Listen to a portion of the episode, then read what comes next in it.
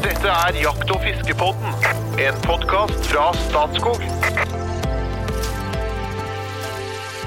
Hjertelig velkommen til Jakt- og fiskepodden. Jakt gir faktisk 20 millioner sunne middagsporsjoner hvert eneste år i Norge. Folkehelseeffekten er stor, både fysisk og psykisk, og nettopp derfor er vi her hver eneste uke. Men hvor mange middagstallerkener fylles egentlig av sportsfiskere? Det spørsmålet skal vi allerede nå i starten av episoden gi til mannen mann som er informasjonssjef i Norges Jeger og Fisk. Han har en stemme som er skapt for radio og elsker det uforutsigbare, så vi starter rett og slett på den måten med kunstnersjelen fra Asker, Espen Farstad. Ja, hvor mange fisketallerkener lander sportsfiskerne? Ja, det, er, det er et godt spørsmål, for vi har jo ikke noe god statistikk på fiske. vet du, for Vi rapporterer jo ikke fiske på samme måte som vi gjør med jakt i Norge. Men, eh, Så her må vi lene oss på undersøkelser, eh, og de begynner å bli ganske gamle. Men eh, jeg kan huske veldig godt at ca. 30 000 tonn saltvannsfisk, 10 000 tonn ferskvannsfisk i året, liksom, så kan du jo begynne å gjøre med det regnestykket. Da tror jeg vi må over til den matematiske delen av podkasten. Trond Gunnar? Ja. Men eh, i løpet av episoden så kan du jo kanskje prøve å regne. Vi, kan komme tilbake til spørsmålet mot slutten. Ja, men, ja det kan vi gjøre. Ja. Mm. Men eh, det er på tide å introdusere Klippen fra Innlandet. Mann som tvinger seg sjøl inn i podkaststudio, men som eh, egentlig helst eh, bare vil være på jakt. Han jakter egentlig strengt tatt hele tida. Han snakker om jakt, han jobber med jakt, han har tatt doktorgrad innen jakt, han har eh, fem frysere som er fylt opp med ting fra jakta. Vi snakker om the one and only fagsjef i Statskog, doktor Jo Inge Bresjeberget. Hjertelig velkommen. Takk. Hallo, hallo. Hvor mange middagsporsjoner i løpet av et år eh, skaffer du gjennom jakt? Nei, hvis det er 52 uker, da, og seks porsjoner i Eller seks eh, ganger fire porsjoner i, i, uka, så er det bare å gå opp, da. Ja, nå er det, det forutsettes at jeg er et lite sånn matematisk geni, og jeg takker, for det, jeg takker for det, men vi kan komme tilbake til dere, Jo Inge, mot slutten av episoden. Jeg har store forventninger til dere. Dere er så flinke at dere går nok bra. Men dagens tema det er faktisk harejakt. Og etter hvert så skal jeg spørre gjesten min om noe som Espen fortalte under en episode om skogsfugljakt. Men altså, gjesten vi har med oss i dag, han er en som kan mer om harejakt enn de aller fleste. Hjertelig velkommen til deg, Hans Christian Pedersen. Takk skal du ha. Du er seniorforsker på NINA. Jeg har sjekka litt, da, og under arbeidssted så sto det jeg må ta litt fart her nå. Terrestrisk naturmangfold. Jeg, og det, det ønsker jeg å gratulere med det, men hva i all verden betyr det? Terrestrisk er Terra er jorda. Så det er det som foregår på landjorda, i motsett, motsetning til akvatisk, som foregår i vannet. Og naturmangfold sier seg jo sjøl, det er jo alt som kan krype og gå, alt som vokser av planter og insekter og alt mulig rart. Så det er en sånn slags samlesekk for ja, naturmangfold på, jord, på landjorda. Hva er dine spesialområder? Ja, jeg har nå holdt på primært med rypeforskning i 40 år, da. Ellers så jakter jeg jo hare, som du sa, så han kan mye om harejakt. Det er liksom det som er lidenskapen. Ellers har jeg vært innom ja, jeg var vel innom Skandulv en gang i tida. Jobba en tiårstid med skandinavisk ulvebestand og populasjonsendringer osv. der. Og så har jeg jobb, ja, jeg jobba med veldig mye. Så jeg begynner å bli en gammel mann, så jeg kan vel betraktes som en slags potet på Nina. Når du sier at jeg er senior, seniorforsker, men jeg er egentlig pensjonist. da, Men jeg er innom sånn av og til og gjør ting når jeg har lyst til det. Det er mitt privilegium. Det hørtes jo veldig behagelig ut. Veldig bra. Det er litt som jeg føler Men Jo, jo Inge på jobben, og han, han er innom hvis han har lyst. Han er ikke pensjonert, da. Men du, mens du har sjansen, Nina, Norsk institutt for naturforskning, Nei. hva er det for noe? Nei. Det, nå, nå sa du feil, som veldig mange andre sier feil, for det heter ikke Norsk institutt for naturforvaltning. For forvaltning er det direktorat og miljøetater osv. som driver med. Vi driver med naturforskning. Så det er en uh, forskningsinstitusjon Uh, uh, ja, en slags stift... Ja, ikke bare en slags, det er en stiftelse som ble skilt ut fra forskningsavdelingen fra Direktoratet for naturforvaltning for eh, mange herrens år siden, dvs. Si midt på 80-tallet. Eh, så det, det, er en eh, oppdragsforskningsinstitusjon på lik linje med ja, Sintef, som mange kjenner, og ja, Norsk institutt for vannforskning. Og det er mange sånne norske institutt for diverse. Men er en, vi er en oppdragsforskningsinstitusjon. Mm. Jeg, har lyst til å føye til deg at det er jo en, en veldig viktig oppdragsforskningsinstitusjon for oss som er opptatt av, av eh, jakt og fiske, fordi dette er på en måte naturforvaltningens eh, premissleverandør, ikke sant, med kunnskap og forskning inn til en, en god naturforvaltning som vi alle jobber sammen med rundt. Liksom. Så for oss er NINA veldig viktig. Mm. Det er viktig, fordi uh, vi ble jo den gang vi ble fraskilt eller separert fra forvaltningsenheten i direktoratet, så var vi jo forskningsavdelingen i direktoratet som skulle levere kunnskap til forvaltningsapparatet i direktoratet.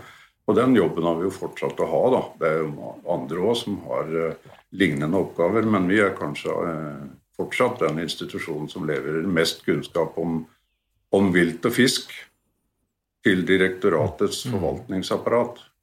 40 år med rypeforskning. Eh, da vil jeg jo kanskje tro at eh, du og Jo Inge har en eh, fortid i lag. I og med at Jo Inge har tatt en doktorgrad på rypeforvaltning, så antar jeg at miljøet i Norge ikke er kjempestort. Ja, Det er helt riktig. For Jo Inge han Vi hadde et prosjekt her for en del år siden som Statskog var en del av, som heter Rypeforvaltningsprosjektet.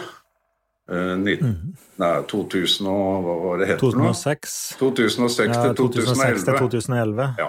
ja. Og da var Statskog en, en viktig uh, aktør. Og da ble jeg jo kjent med Jo Inge, og jeg har faktisk vært uh, en delveileder på hans doktorgrad, så jeg kan egentlig skrive under på at han kan litt om rype, men det er langt fram fortsatt, fordi man kalles doktor Rype.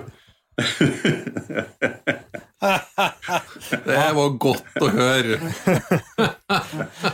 Fra sine egen skade. Nei, jeg kjenner jo Hans ganske godt. Vi har jo hatt uh, mye lag. Jeg trives jo godt i lag med Hans. Og vi har jo, vi har jo hatt prosjekter sammen, da, og drev på med det rypeprosjektet, rypeforvaltningsprosjektet, som Statskog faktisk var eier av. Uh, allerede fra 2006. Så jeg har kjent det i hvert fall siden da, da. Jeg visste jo ikke det var før det òg, men eh, vi har i hvert fall kjent den siden da. Så det begynner jo å bli noen år, faktisk. Du, Jo Inge, da, da vi snakka på forhånd, vi, vi snakker jo om forskjellige episoder, og så kom det om harejakt. Ja, da var det jo ganske tydelig. Her skal Hans Christian inn. Hvorfor, eh, hvorfor, hvorfor det? Nei, det er jo for at jeg kjenner Hans godt og vet at eh, en ting er at han er en veldig trivelig kar og flink til å prate. En annen er at eh, han faktisk har ordentlig peiling på både jakt og forvaltning. Altså han har bredere perspektiv enn bare å slippe hærehund. Og jeg vet jo at Hans har forkjærlighet og driver med gamle raser, eh, herrehundraser, altså han har dunker. Og driver avlsarbeid på dunkerhaug, og er opptatt av det. Og harrejaktas framtid. Og jeg har prøvd, jeg vet ikke, det må han svare på sjøl, men jeg vet at det er jo ikke så lett å få til forskningsprosjekter på her, men han skal i hvert fall ha for at han har prøvd. Ja, jeg vet ikke om jeg skal svare med en gang, men jeg har prøvd, ja. Eh, det, var det, var, det, var mye enklere og, Ja, enklere, enklere Jo, det var mye enklere, faktisk, selv om det ikke er så enkelt heller, å få, få midler til å drive rypeforskning. For rypeforskning, det er liksom, det har status. Eh, ryper har status, lirypejakt med stående fuglehund, det er liksom eh, Der er det noen som trykker på og vil vite noe. Mens harejakt, det har ingen Per nå Per i dag så har det ikke noe status i det hele tatt. Så det er ingen eh, personer med si, viktige samfunnsposisjoner som trykker på for å få til noe forskning på hare. Og Derfor var det heller eh, ikke så veldig enkelt å få til noe, noe prosjekt på hare. Jeg har forsøkt eh, opp gjennom tida i mange anledninger, men, men det har vært ganske håpløst. Nå ser det ut som det løsner litt. For nå begynner folk å bli litt opptatt av hvordan går det med den hvite haren på den brune bakken. I klimarelaterte sammenhenger osv. Så, videre. så nå begynner det liksom å skje noe. Så min kjære sønn, som går i mine fotspor, han uh, har fått penger til å starte opp et nytt prosjekt akkurat på, på, på den problematikken opp mot klimaendringer. Da. Mm -hmm. Så haren har litt, uh, litt klimatrøbbel? Den òg, hadde nær sagt? Haren har vel mer klimatrøbbel enn en de aller fleste arter. Fordi, som alle veit, haren er tilpassa en hvit vinter. Og når den hvite vinteren uteblir, så får haren trøbbel. I likhet med mange andre arter som da skifter fra brunt til hvitt, sånn som ryper og røyskatt og alle andre. Mm. Men haren spises av veldig Sorry. Haren spises jo av veldig mange. Så hvis folk er ute nå der det ikke er snø, så, og en hvit hare som springer på bakken, han lyser jo som en pære. Du ser, jo, du ser den jo på kilometers avstand.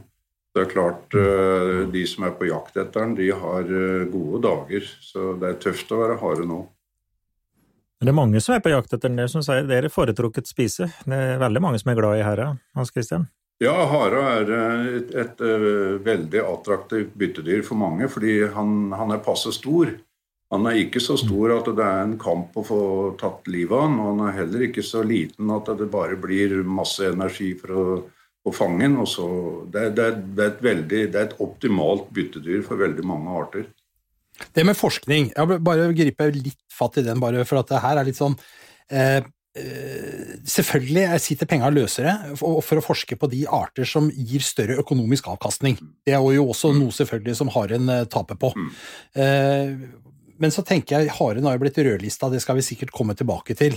Eh, men, men, det at den er blitt rødlista, det er jo eh, Det er jo mange av oss som syns at det er litt eh, rart, kanskje, men, men, men, uansett så er det i hvert fall noe positivt med det, og det er jo at du kan få mer og økt oppmerksomhet. Eh, skulle det være lettere å forske på en art som, eh, som haster på rødlista, for rødlista er jo en måte å påkalle oppmerksomhet på. Og så er det jo slik at jegerne bidrar jo med en jegeravgift, alle jegere, inn til statskassa. Og det er jo en måte å følge penger gjennom systemet på, for de pengene skal jo være øremerka og komme tilbake til det relevante vilttiltak på en eller annet vis. Og grunnforskningsmidler til NINA finansieres jo også delvis over, jeger, over viltfondet, da, som utgjøres av, av jegeravgiften. Så jeg tenker at det er flere av oss som kunne presse på Eh, sammen med Hans Christian og, og, sånn for å få eh, relevant forskning på hare, når det nå er blitt rødlista, er i en vanskelig situasjon, møter klimautfordringer osv. Så, videre. så Så her eh, tenker jeg at både Jeger og Fisk og landets store grunneiere, ingen nevnt, burde kjenne litt ansvar. Mm. Mm. Ja, det er helt riktig, men nå, nå spørs det jo, da. For nå, jo, nå er jo rødlistevurderinga opp til ny eh, si, Det er en ny runde. Så haren ble riktig. Mm. Den ble ikke rødlista, men den kom nå på å si, Han ble såkalt nær truet da, eh, i 2015, og nå skal det jo opp til ny vurdering. Så hvorvidt han havner på lista nå eller ikke, det er jo et eh, Ja, det blir jo spennende å se. Uh, mitt tips Hva, hva tror du? Jeg tror at han ikke havner på rødlista. Fordi problem, altså poenget med, eller Årsaken til at han havna på rødlista forrige gang, var at det var, man vurderte bestandsnedgangen til å være så stor at uh, han kom inn under det kriteriet uh, ja, 15, mer enn 15 bestandsnedgang de siste ti år. Og, og da basert på Sjøl om man kan eh, diskutere hvorvidt jaktstatistikken er en god statistikk eller ikke, og reflektere bestand, så har vi nå gått gjennom jaktstatistikken og sett på pro og kontra hvorvidt dette reflekterer bestand eller ikke. Og Vi har konkludert med at det gjør den, i hvert fall i en viss grad. I hvert fall såpass mye at det er verdt å, å bruke det eh, som et, et, grunnlag for vurderingen. Og På bakgrunn av det så havna han på, som nær truet. Men eh, de siste ti år så har jo ikke bestandsreduksjonen vært tilsvarende sånn som den da var i den forrige perioden. Og Hvis de bruker samme kriterier nå, så vil jeg tippe at uh, haren ikke havner på rødlista. Fordi det, altså, Når man snakker rødliste, så er det, det er et problem her. Og det er at folk ikke egentlig veit hva rødlista er for noe. Det høres veldig dramatisk ut. Det er ikke nødvendigvis sånn at fordi om en art havner på rødlista, så er den i ferd med å dø ut. Altså det er mange kriterier som, eh, som brukes for å, å, å, å, plassere arter på ei rødliste, og en av dem er bare en bestandsreduksjon. Og den bestanden kan fortsatt være langt fra si, i faresonen for å bli eh, utrydda. Men allikevel så fyller den da kriteriet bestandsreduksjon, som tilsier at han skal havne på rødlista. da. Men det er jo grunn til å stille et spørsmålstegn med dette med med bestandsreduksjonen, for at vi har jo ikke veldig gode bestandsstatistikker på hare. Altså, så da bruker man jo fellingstallene fra, fra jakta, og da er jo spørsmålet er det haren det er blitt færre av, eller er det blitt færre harejegere, egentlig? Og da er mitt svar at haren har det blitt færre av. Fordi vi skjøt eh, 120 000 på, i de, de beste åra på 90-tallet, og nå skyter vi 15 000. Eh, Det som viser seg, er at eh, de aller fleste harer som skytes, de skytes av eh, småviltjegere som bifangst. Det skytes ikke av harejegere. Det fins ikke veldig mange harejegere. Det fins mellom 60 og 100 000 småviltjegere. Men av harejegere, altså reine harejegere som du, man tror kanskje skyter haren, så fins det ja, la oss si 10 000 da, som jakter hare. Ehm, eh, og når da de 10 000 harejegerne eh, bare skyter 15 000 harer i året, så betyr det at de skal skyte 1,5 hare hver seg, og det er urimelig. De aller, færre, aller fleste harer som skytes, eller som ble skutt, ble som jeg sier, skutt som bifangst av småviltjegere. Og når harebestanden går ned, så er muligheten for å skyte en hare for småviltjegere som går på annen type jakt, den blir mye mye mindre, fordi man støkker ikke hare like ofte når bestanden er liten som man gjør når den er stor. Og Derfor så har Men- bestanden gått ned. Men det er jo andre ting her også. Dette er veldig interessant, så det er derfor jeg henger litt på dette. For det, eh, det skjer også en endring i jegerne. Nå, Som ung jeger i dag, eh, så er du medlem i en gruppe som heter Skogsfugljegere. Og så dyrker du skogsfugljakta i, til fingerspissene. Og disse skogsfugljegerne, de skyter ikke hare. Ikke sant? Det er den gamle generalist-småviltjegeren som gjorde det. Jeg, jeg påstår at det er en endring i attitude her på en måte hos jegerne, og at det også slår ut her. Og her må jeg bryte inn litt. grann, for Her, nå kommer spørsmålet, nemlig. Fordi vi, Da vi snakka om skogsfugljakt, så var det en ivrig skogsfugljeger som heter Espen Farstad, så, som sa ja, så kommer det jo en hare, da, og så skyter jo den. Ja. Men jeg, Hva syns, hva syns du om det, Hans Christian? Det var, det var egentlig det jeg skulle komme tilbake Nei. Det bare bekrefter det jeg påstår hele tida, at de aller fleste harene de skytes som bifangst andre typer småviltjakt, ikke av harejegerne. Nei, jeg så men, men jeg er jo en gammel, jeg er en gammel småviltjeger, en generalist. Jeg representerer jo ikke den unge, moderne jegeren. Du er som en rødreven, du. Ja. Det Jeg, jeg, så, eh, jeg så statistikken for i fjor var ned på 12 490 herrer på SSB. Ja. Melding. Eh, Men nok en gang, det viser, viser jo at det er veldig viktig at vi har fangststatistikk. At vi følger opp fangststatistikken vår. For det er ved, du har jo ikke mange andre gode estimater, eh, Hans. Det er jo, det er fangststatistikken som er det viktigste eh, verktøyet vårt her, da, for å estimere nedgangen. Ja, altså det, det, det er det eneste vi har. Det fins Ja. ikke god eh, bestandsstatistikk for veldig mange små, jaktbare småviltarter. Uh, og jaktstatistikken er den eneste vi har. Og så kan man jo diskutere, som vi nå har gjort, da, hvor godt den reflekterer bestanden eller ikke. At den eh, jaktstatistikken er perfekt, eh, si, speiler bestandsnedgangens perfekt, det, vil, det påstår jeg ikke. Men at den i rimelig grad, rimelig stor grad, sier at bestanden har gått dramatisk ned, det, det, det, våger jeg å påstå. Og Det er det de har gjort. altså Da kan man jo si eh, La oss si nå da at jaktstatistikken viser at de siste ti åra har det ikke vært noen reduksjon. Skal man, da ta, skal man da bruke det som et kriterium, eller skal man la det være? Og si at mm, man har havna på, på rødlista én gang, så vi lar han være der. Etter mitt skjønn så vil det være feil, da. For man brukte, jo, man brukte jo statistikken i forrige runde, så da bør man bruke den nå òg. Og det fins ikke noe bedre. Folkens, Men, eh, vi skal bevege oss inn på sjølve jakta. Ja, apropos her det, bare ta det kjapt, da. eh, Ok, vær så god. Ta, ta det kjapt, da, så er det Apropos prestisje, da, Hans Christian, så har det jo vært Det har jo vært en tid der herrejakta hadde prestisje, der det var type samfunnstopper faktisk jakter her. Det har vi jo sett bilder av. Men det var kanskje i mangel på annet vilt som gjorde at det var hæra som var det foretrukne. Men det har jo hatt prestisje fra gammelt òg, da. Det har det. Ja, altså Harejakt var jo Det var jo uh, forbe forbeholdt samfunnstoppene. Det var jo før uh, rypejakta, rypejakta kom og tok uh, si, rotta på alt. Og stående fuglehund ble populært da.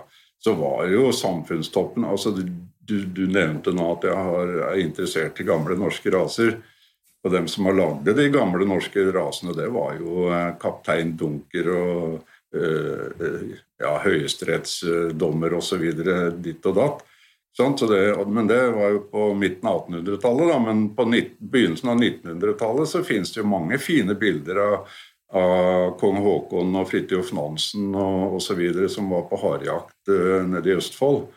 Uh, så, mm. så, og det var jo de som starta liksom ja, så, um, Spesialklubb for norske harehundraser er egentlig forløperen til Norsk Kennelklubb som ble stifta i eh, begynnelsen av på 1900-tallet. og Det var jo samfunnstopper som jo sto for det også. Så sklei nå dette mer over i, hare, over i rypejakt, og det ble veldig populært. altså Jeg holdt på å si heldigvis og dessverre. Det kunne vært eh, dessverre, hvis man gjerne skulle hatt noen til å trykke på litt, at haren var litt mer interessant enn at haren er nå bare haren, som jeg pleier å si. Men eh, heldigvis, kanskje, fordi eh, nå kan man jo få tilgang til harejakt uten å ja, betale skjorta, for å si det sånn. Før vi går inn på vår jakt, så nevnte du så vidt at det var mange predatorer som jakta på haren, at det var et veldig bra bytte for ulike arter. Men du sa ikke hvem er det som er de fremste predatorene? Rødrev. Uh, av firefotinga så er det helt opplagt rødrev og en viss grad mår, men ikke, ikke på langt nær så, så, viktig som rødrev. Rødrev er nok helt sentral. Av de som har vinger, så er det jo hønsehauk og kongeørn. Primært de to artene. Er, men hubro, altså vår største ugle, er jo en harespesialist av rang. Og det er jo mange som tar Og disse artene tar jo, ja, de tar jo både små eller hareunger og voksne harer, men primært kanskje voksne, litt større harer. Men det er jo veldig mange som tar hareunger, da. Da er det jo kråkefugl og røyskatt og ja, alt mulig rart. Katter, ikke minst. Katter er eh, ja. å si, Jeg, jeg veit ikke om jeg skal si det her, men jeg, når jeg vokste opp så hadde jeg en stående ordre fra min gamle far, som må være harejeger, selvfølgelig. For du må ha det litt sånn, du må få det inn litt fra starten av for å bli ordentlig harejeger.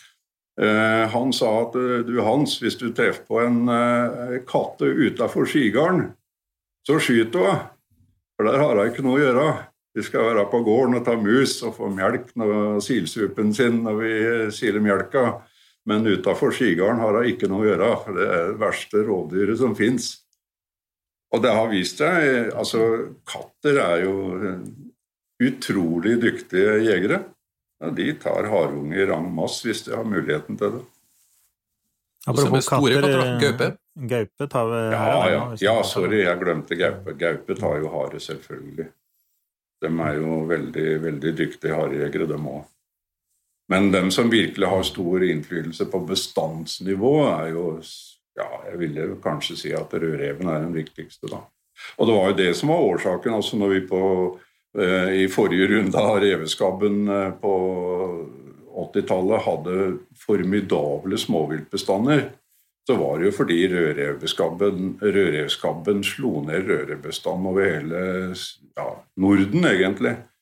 Og vi fikk jo veldig høye rypebestander, småviltbestander generelt. Og det var på den tida vi skjøt 120 000 harer i året også. Så um, det var vel primært fordi uh, rødrevbestanden gikk så dramatisk tilbake. Jeg tror de fleste er enige om det. Du er ute og jakter hver høst, vil jeg tro. Dere harre. Eh, kan ikke du ta oss med på en sånn jakttur? Altså, nå tenker jeg verbalt. Du må gjerne ta oss med også på et senere tidspunkt. Men Det blir lett å invitere, hans. Ja. Det første du må ha, er jo selvfølgelig en god hund, da. For, harjakt, altså for meg så er harejakt det er harejakt med hund. Det går selvfølgelig an å gå på støkkjakt, som en del gjør, da å skyte hare på støkk. Men som jeg har sagt tidligere, så er kanskje ikke det så enkelt eh, lenger når bestandene er lave. Men det fins jo bestander som er veldig gode, på øyer f.eks., hvor man går på harejakt eh, på støkkjakt. Men for meg så er harejakt det er harejakt med hund, og da må du ha en god hund. Um, for harejakt med en dårlig hund, det er ikke noe som er kjedeligere enn det. Altså. Fordi det aller viktigste i, uh, under harejakt er jo losen. Altså, og denne hunden, den, den, slipper du, og da finner den altså I gamle dager når vi hadde dårlige hunder når jeg vokste opp, så måtte du slippe hunden før, før det ble lyst om morgenen. Før haren setter seg inn, for han er jo ute og beiter på, mens det er mørkt. Og så setter han seg inn i dagleie når det begynner å lysne. Og fordi man da hadde jævla dårlige hunder, unnskyld uttrykket, de var virkelig dårlige, så måtte man slippe denne hunden før haren hadde satt seg inn. Mens han fortsatt var på beina, for da hadde hunden en mulighet til å finne den men hadde den satt seg inn, så greide de ikke det fotarbeidet, som vi sier. Da. For da, jobben til hun er da å finne der hvor haren har hoppa om natta, og så nøste opp alle disse krumspringene og alle disse veiene, og finne der hvor haren sitter. Og så får vi et uttak. Og et uttak det, Da har en kan hoppe ut sånn at hun ikke registrerer at den har hoppa ut, og så kommer den på strengen og kjenner at oi, her har, pus hoppa. Så får los og da, da bjeffer jo hun, da. Den loser. Og det er, jo, det er jo det som er musikken for en harejeger. Så kan du sitte i timevis på stolsekken din og høre på denne musikken.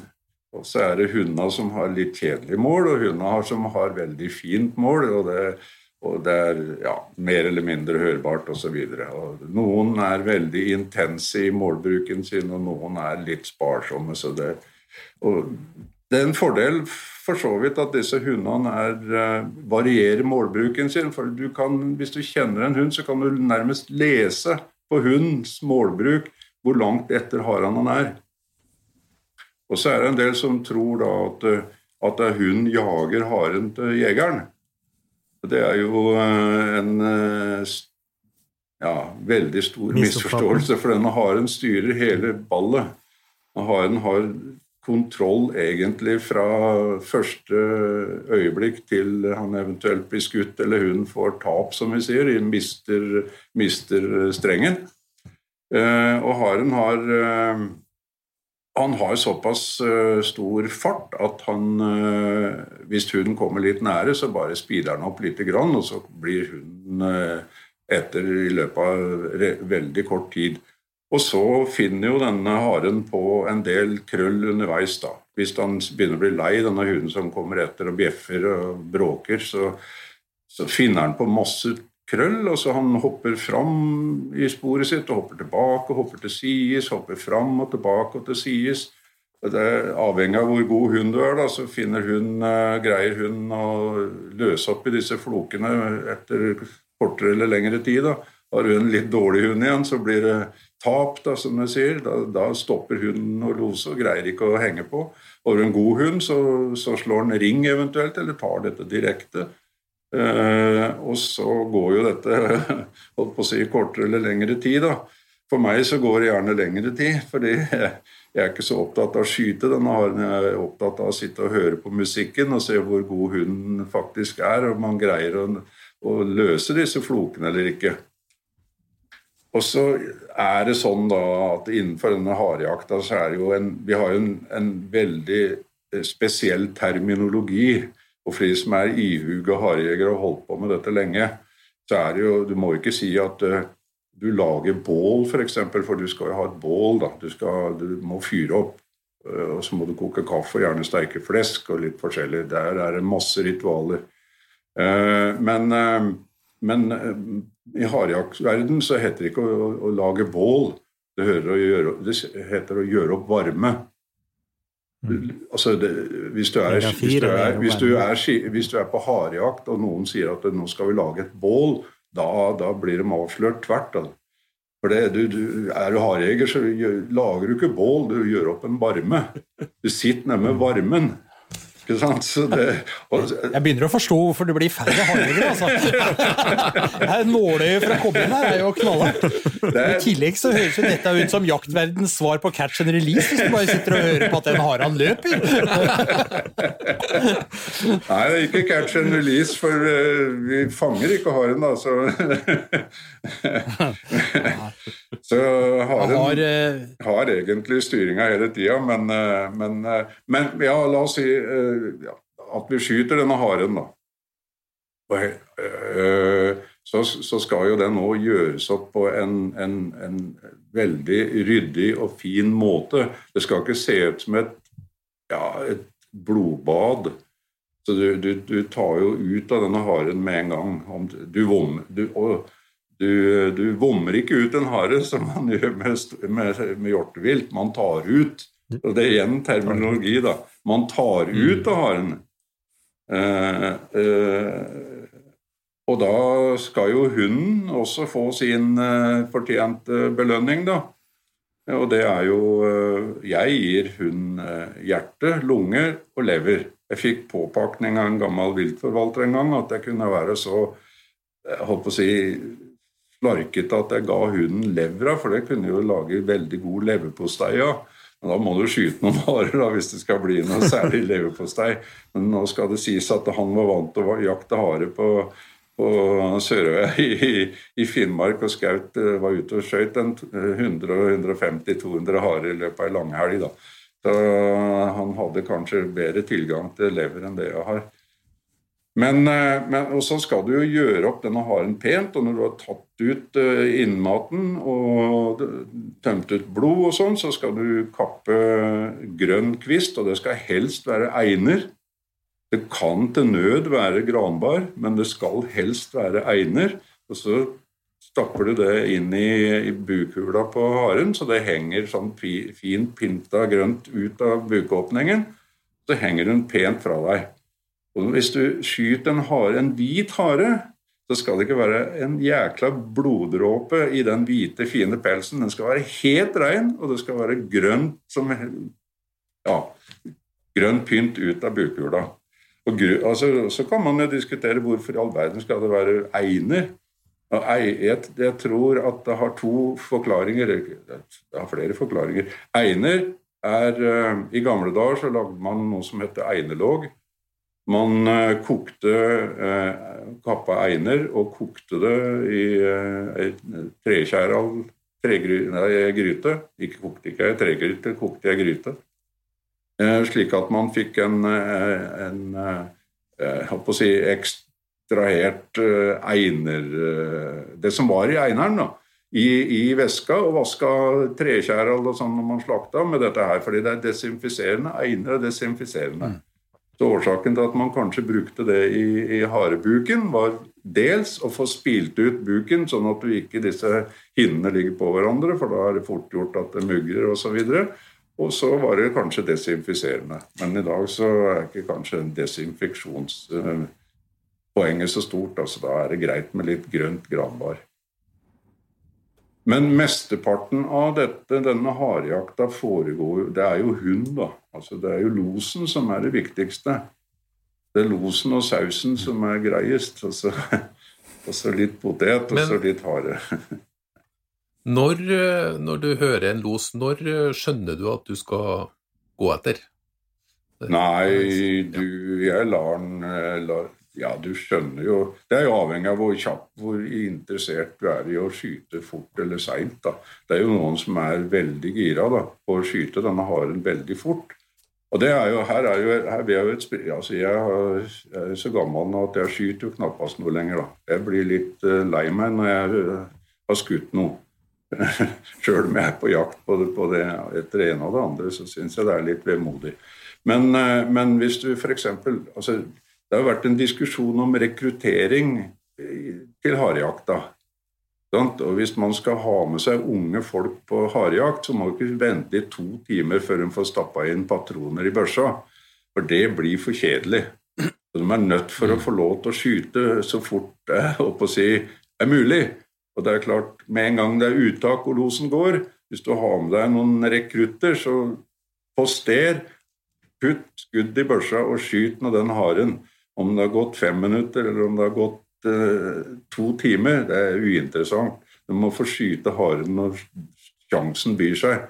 Å sitte nærme varmen, rundt uh, varmen, og, og, høre losen går time etter time, og haren har passert tre ganger uten at den får skyte, da greier du ikke å få rekruttert noen.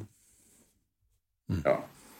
Jeg syns, jeg syns, at dette her vitner Det er fantastisk moro å sitte og høre på, Hans Christian, for du beskriver jo en hel kultur, og jeg syns du beskriver mye eh, det er mye respekt for haren og det levende, det levende viltet, eh, og, og, respekt for kulturen og alt dette her sånn. Og når vi da er inne på kultur, så må jeg ta mitt lite bidrag med kultur inn her, som jeg gjør i hver episode, i form av en limerick.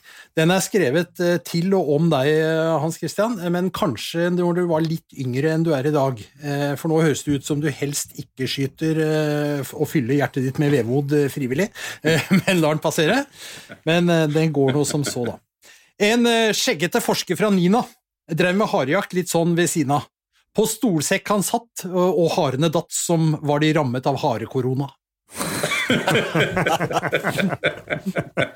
ja, det der må ha vært uh, noen år siden, ja. før koronaen, kanskje. Før, før, Ja, det var litt uh, Ja, ja, ja. ok. men, du, men, du, sier ta ut, du sier ikke veide. Jeg har hørt noen som har sagt veide òg. Veide her, Veie ut, ja. Ta ut mm. eller veie ut. Ja. Og så heter det å la hunden få veie. Altså, det er jo veide, da. Det er jo det det kommer av. Å la, hun, la bikkja få veie. Det, det. Men du skal ikke få altså Tarmer og innmat, kan, innmat, altså tarmer og magesekk og sånn, skal de ikke ha. Hvorfor vet jeg egentlig ikke, da. Men uh, Har det noe med kan det ha noe med harepest og, og, og disse tularemi-greiene og alt dette å gjøre? Nei, det er neppe Hvis, uh, hvis uh, haren har tularemi, så du lar den få levra eller lar den få sleike et eller annet, så, så uh, har du nå sørga for at du har muligheten til å smitte. Da. Så det er, det, er, det er, neppe det. Jeg veit ikke egentlig hvorfor ikke de fikk det, men det er noe tradisjon, det òg. Det hendte for, Kan bli, ut, for kan bli utrivelig luft i bilen. Ja, ja det kan, kan bli utrivelig luft i bilen, det eller det etterpå, kanskje. For, for, mange, veldig mange år siden jeg var en liten gutt, så husker jeg at far min han av og til så, så lot han hunden få magasekken, men da tok han vekk magasekken, og så tro på den, sånn at alt innholdet, det grønne innholdet ble skvisa ut, og så lot han få vomskinnet, for å kalle det det. da. Det er, ikke noe, det er ikke ei vom, men det er en mage, magesekk. Men eh, ja. Men du, du, nevnte det med tap, da. Jeg syns det er litt artig med gamle, gamle raser og det. Jeg veit jo at jeg har lest at uh, i gamle dager, når de jakter i grupper og med flere hundre, så var det ikke uvanlig å bruke dachser til å utrede tapet. Og så satte de på støvere når uh, dachsen, som var litt mer spornøye, hadde utredet tapet, og så satte de på spornøye støvere, eller støvere på uh, uttaket, da, kan du si. Og det er jo mange begrep opp igjennom eh, om de her lure knepa til hæren. Ofte du får tap i veg, for eksempel, sant? at de gjør eh, knep.